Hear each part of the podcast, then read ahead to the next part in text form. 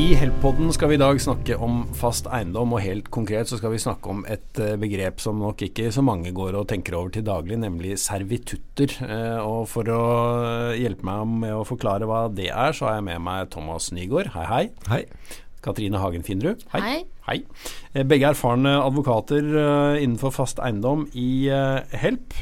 Selv heter jeg Dag Are Børresen. Og Katrine, hva er en servitutt? Skal vi starte der? Ja, en servitutt det er en eller annen form for rettighet til noen andres eiendom.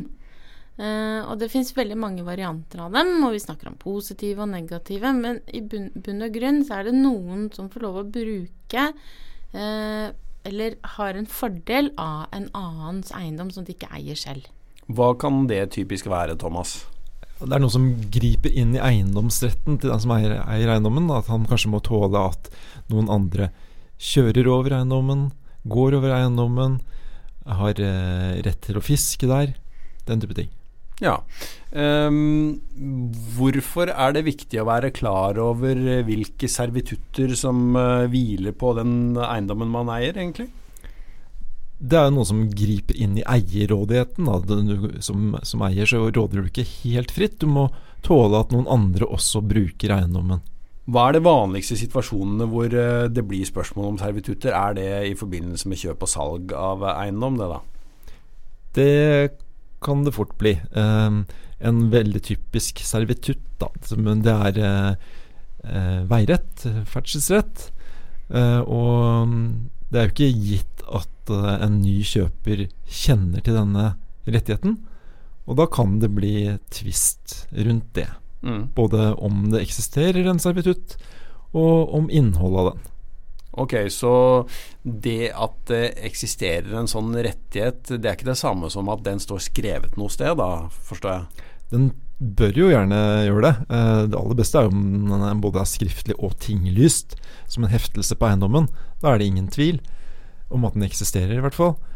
Eh, men eh, den kan godt eksistere uten, selv om den ikke er tinglyst, og heller ikke det finnes noe skriftlig. Oppstår de fleste sakene fordi at uh, noe som skulle ha vært tinglyst, kanskje ikke er det? Ja, og så er det sånn ikke sant, at rettigheter de oppstår eller ikke av skriftlighet eller tinglysning. Uh, men det sikres av tinglysning og, og skriftlighet.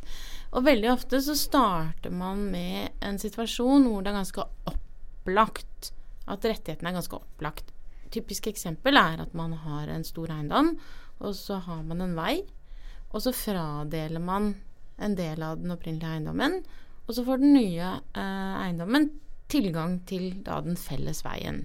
Og dette kan typisk være familiære forhold, hvor dette er så selvfølgelig at man ikke ser behovet for å skrive det ned, for alle skjønner at det er sånn. Og så går det mange år, og det kommer nye eiere til. Og så får man da en, eh, en situasjon hvor kanskje den nye eieren syns at det er veldig rart at den andre eiendommen skal kjøre over hans eiendom på veien hans. Det er jo ofte sånn man tenker på det. Hvis det ligger på e-, egen eiendom, så tenker man på det som sitt, og at den andre egentlig ikke har noe med den bruken å gjøre. Men her vil man ofte si at det foreligger en servitutt eller rett til å bruke vei som ligger på annen grunn, selv om man ikke har det tinglyst eller skriftlig. Hadde det vært tinglyst og skriftlig, så ville ofte partene eh, tenkt at dette er jo helt greit, og så ville de ikke laget noe problem ut av det. Den type rettighet må stiftes på en eller annen måte. Eh, og det klart vanligste er jo at den stiftes ved avtale. Men den avtalen kan være muntlig, så det er ikke sikkert at det eksisterer noe skriftlig grunnlag der ute.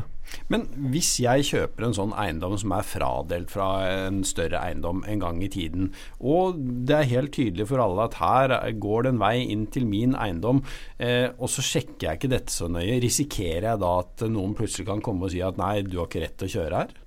Ja, altså det kan du, alt, altså du kan aldri hindre at noen kommer og sier det, men hvorvidt de har en berettiget grunn til å si det, er jo noe annet. Og da vil man jo uh, kunne finne ut ganske mye ved å gå tilbake i historikken. Og finne ut av når ble disse eiendommene opprettet, og hva er bakgrunnen for disse for, Når ble veien opprettet, når ble eiendommen opprettet, og hva er den historiske forankringen for den bruken man ser i dag? Det er ikke bare eh, spørsmål om det eksisterer en rettighet, men ofte er det en tvist eller uenighet om innholdet av den rettigheten også. Ja, for dette er ikke nødvendigvis så klart formulert, nei. Nei. Og eh, særlig når eh, dette er noe som er avtalt kun muntlig, eller eh, står kort beskrevet i en gammel skylddelingsforretning eh, f.eks., så er det fort uklart hva som ligger i den rettigheten. Der er vi tilbake til det begrepet skylddelingsforretning igjen. Hva er det? Det er det gamle dokumentet hvor eiendommen ble skilt ut i sin tid. Ja, Hvor finner man det i dag, da? Det Man kan uh, undersøke grunnboka, så, så, vil det stå uh, når eiendommen ble skilt ut, og fra hvilken eiendom den ble skilt ut fra. Uh, og så kan man gå til gamle kilder i digitalarkivet.no f.eks. og se ja. hva man kan finne der. Og er man på jakt etter å finne ut Hvis du er ute etter å finne ut av hva gjelder for eiendommen min, så er det sånn at når man tinglyser, så skal man tinglyse byrder på den eiendommen som har byrden. Ikke på eiendommen som har fordelen. Hvis du slår opp i grunnboka, så står det en uh, liten uh, klausul der om at man også må sjekke eiendommer som denne eiendommen er skilt ut fra. Men uh, for de som hører på dette her, så tror jeg at boligkjøp f.eks. plutselig ble veldig mye mer komplisert enn de aller fleste nok har tenkt seg. Altså Skaper dette mye konflikter? Det skaper noe konflikter, men det er en del av de konfliktene uh, Det er en stor misoppfattelse om at uh, man må ha det tinglyst eller skriftlig for at det er en rettighet eller en forpliktelse. Det er ikke tilfellet. Det er veldig mange eh, rettigheter og forpliktelser som eksisterer, selv om det ikke finnes noe skriftlig.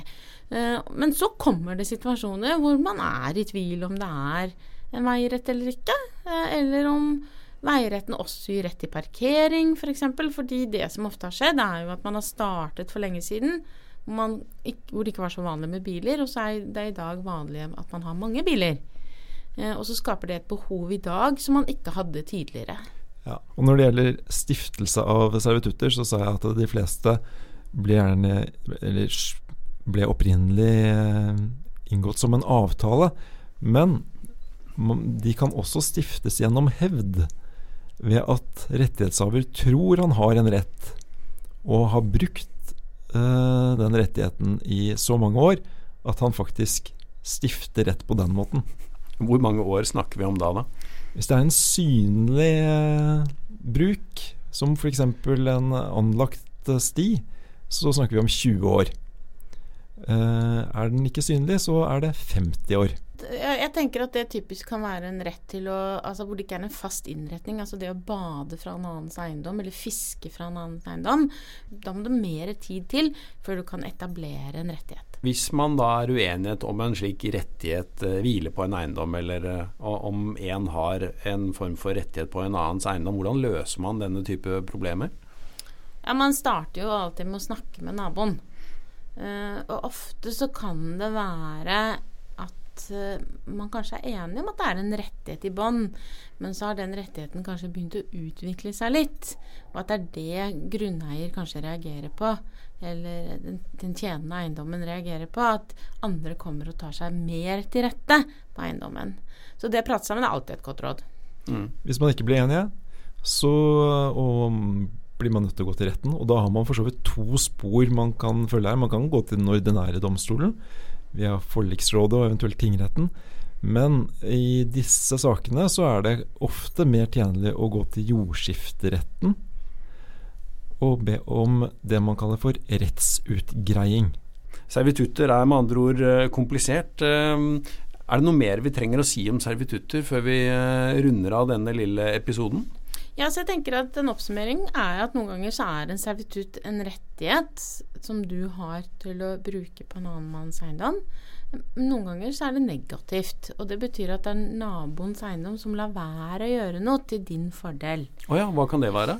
Typisk er jo det en sånn strøkservitutt. At naboen går med på at han ikke skal bygge så veldig høyt hus, eller at han ikke skal bygge så veldig stort hus.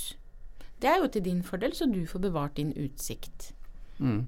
Men det betyr at man eh, da, ja, i forbindelse med kjøp, eh, eller eh, i og for seg andre situasjoner også, ved utbygging og sånn, hvis det skjer noe i nabolaget, så bør man egentlig inn og lese grunnbøkene til naboeiendommene?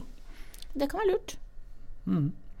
Det var en, et lite tips til slutt i Helps lille gjennomgang av hva servitutter er, og hva man kan gjøre med dem.